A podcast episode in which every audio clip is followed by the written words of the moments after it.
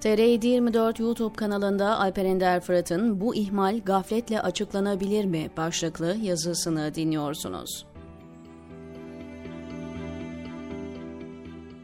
Tarih 29 Mayıs 2018. Cumhurbaşkanlığı seçimlerine 25 gün kala Tuncay Özkan, CNN Türkiye çıkmış kendinden son derece emin bir tavırla nasıl organize olduklarını, bütün sandıkların başında nasıl duracaklarını anlatıyor.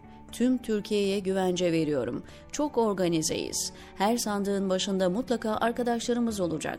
Bu sefer çalamayacaklar. YSK'da asla oylarımızı iç edemeyecekler. Asla çaldırmayacağız. Asla çaldırmayacağız. Bütün barolar da ayakta. Bütün avukatlar gidecekler sandıkların başında duracaklar. Demokratik vicdanın çalınmasına asla izin vermeyecekler.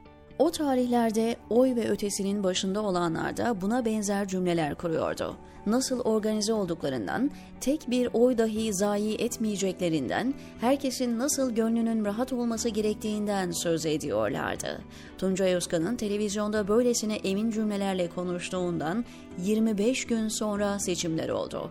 Seçim gecesi 50 bin avukatın sandık başında nöbetli olacağını bangır bangır bağıranlar, başta Cumhurbaşkanı adayı Muharrem İnce olmak üzere akşam 8'den sonra ortadan kayboldu ilk saatlerdeki sandık sonuçlarını sağlıklı veren ve AA'nın manipülasyonlarına karşı duran oy ve ötesinin sitesi bir süre sonra çöktü ve kendisinden haber alınamaz oldu.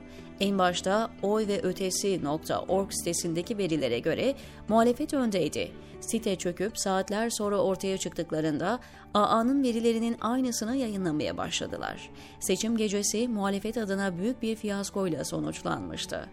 Aklı başında bir parti, her seçimde toplumun vicdanını kanatan sandıklara sahip çıkılamaması, oyların çalınması meselesine en azından 2018 fiyaskosundan sonra bir el atar, öyle değil mi?'' 24 Haziran seçimi tepeden tırnağa bir hezimet ve yanlışlıklar seçimiydi muhalefet açısından.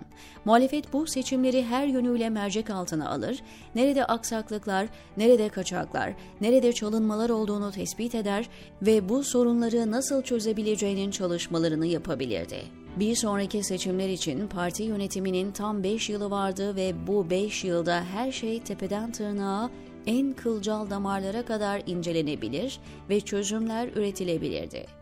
Öyle anlaşılıyor ki bunca yıl içinde seçimlerin en önemli meselesi muhalefetin yine umrunda olmamış. Başta CHP olmak üzere bütün muhalefet seçmen listeleri, sandık yazılımları, müşahitler, avukatlar, seçim gecesi bütün yurtta organize olmak gibi konularda tam 5 yıl neredeyse hiçbir şey yapmadan oturmuşlar. Seçimden sonra onursal adı güzel bilmem kaç bin sandıkta elemanlarının olmadığından bahsediyor. İnanılır gibi değil. AKP'nin seçmen listelerinde ve sandıklarda nasıl da levere çevirdikleri neredeyse her seçimde konuşulur, tartışılır, kazandığı seçimlerde mutlaka bir şaibe tartışması vardır.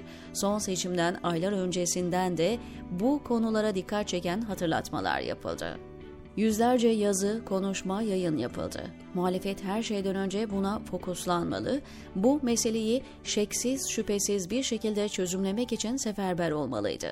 2018 skandalından tam 5 sene sonra yine aynı adamlar, yine aynı şaibeli seçim sonuçları. Kimse kusura bakmasın ama bu konudaki en büyük suç Kemal Kılıçdaroğlu'ndadır.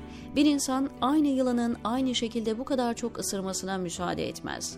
Yılan sokmasına karşı tedbir alır ve ölümcül mahlukları sistemin dışına çıkarır. Partinin en önemli görevi bu denli şaibeli adamların eline ve inisiyatifine verilmez.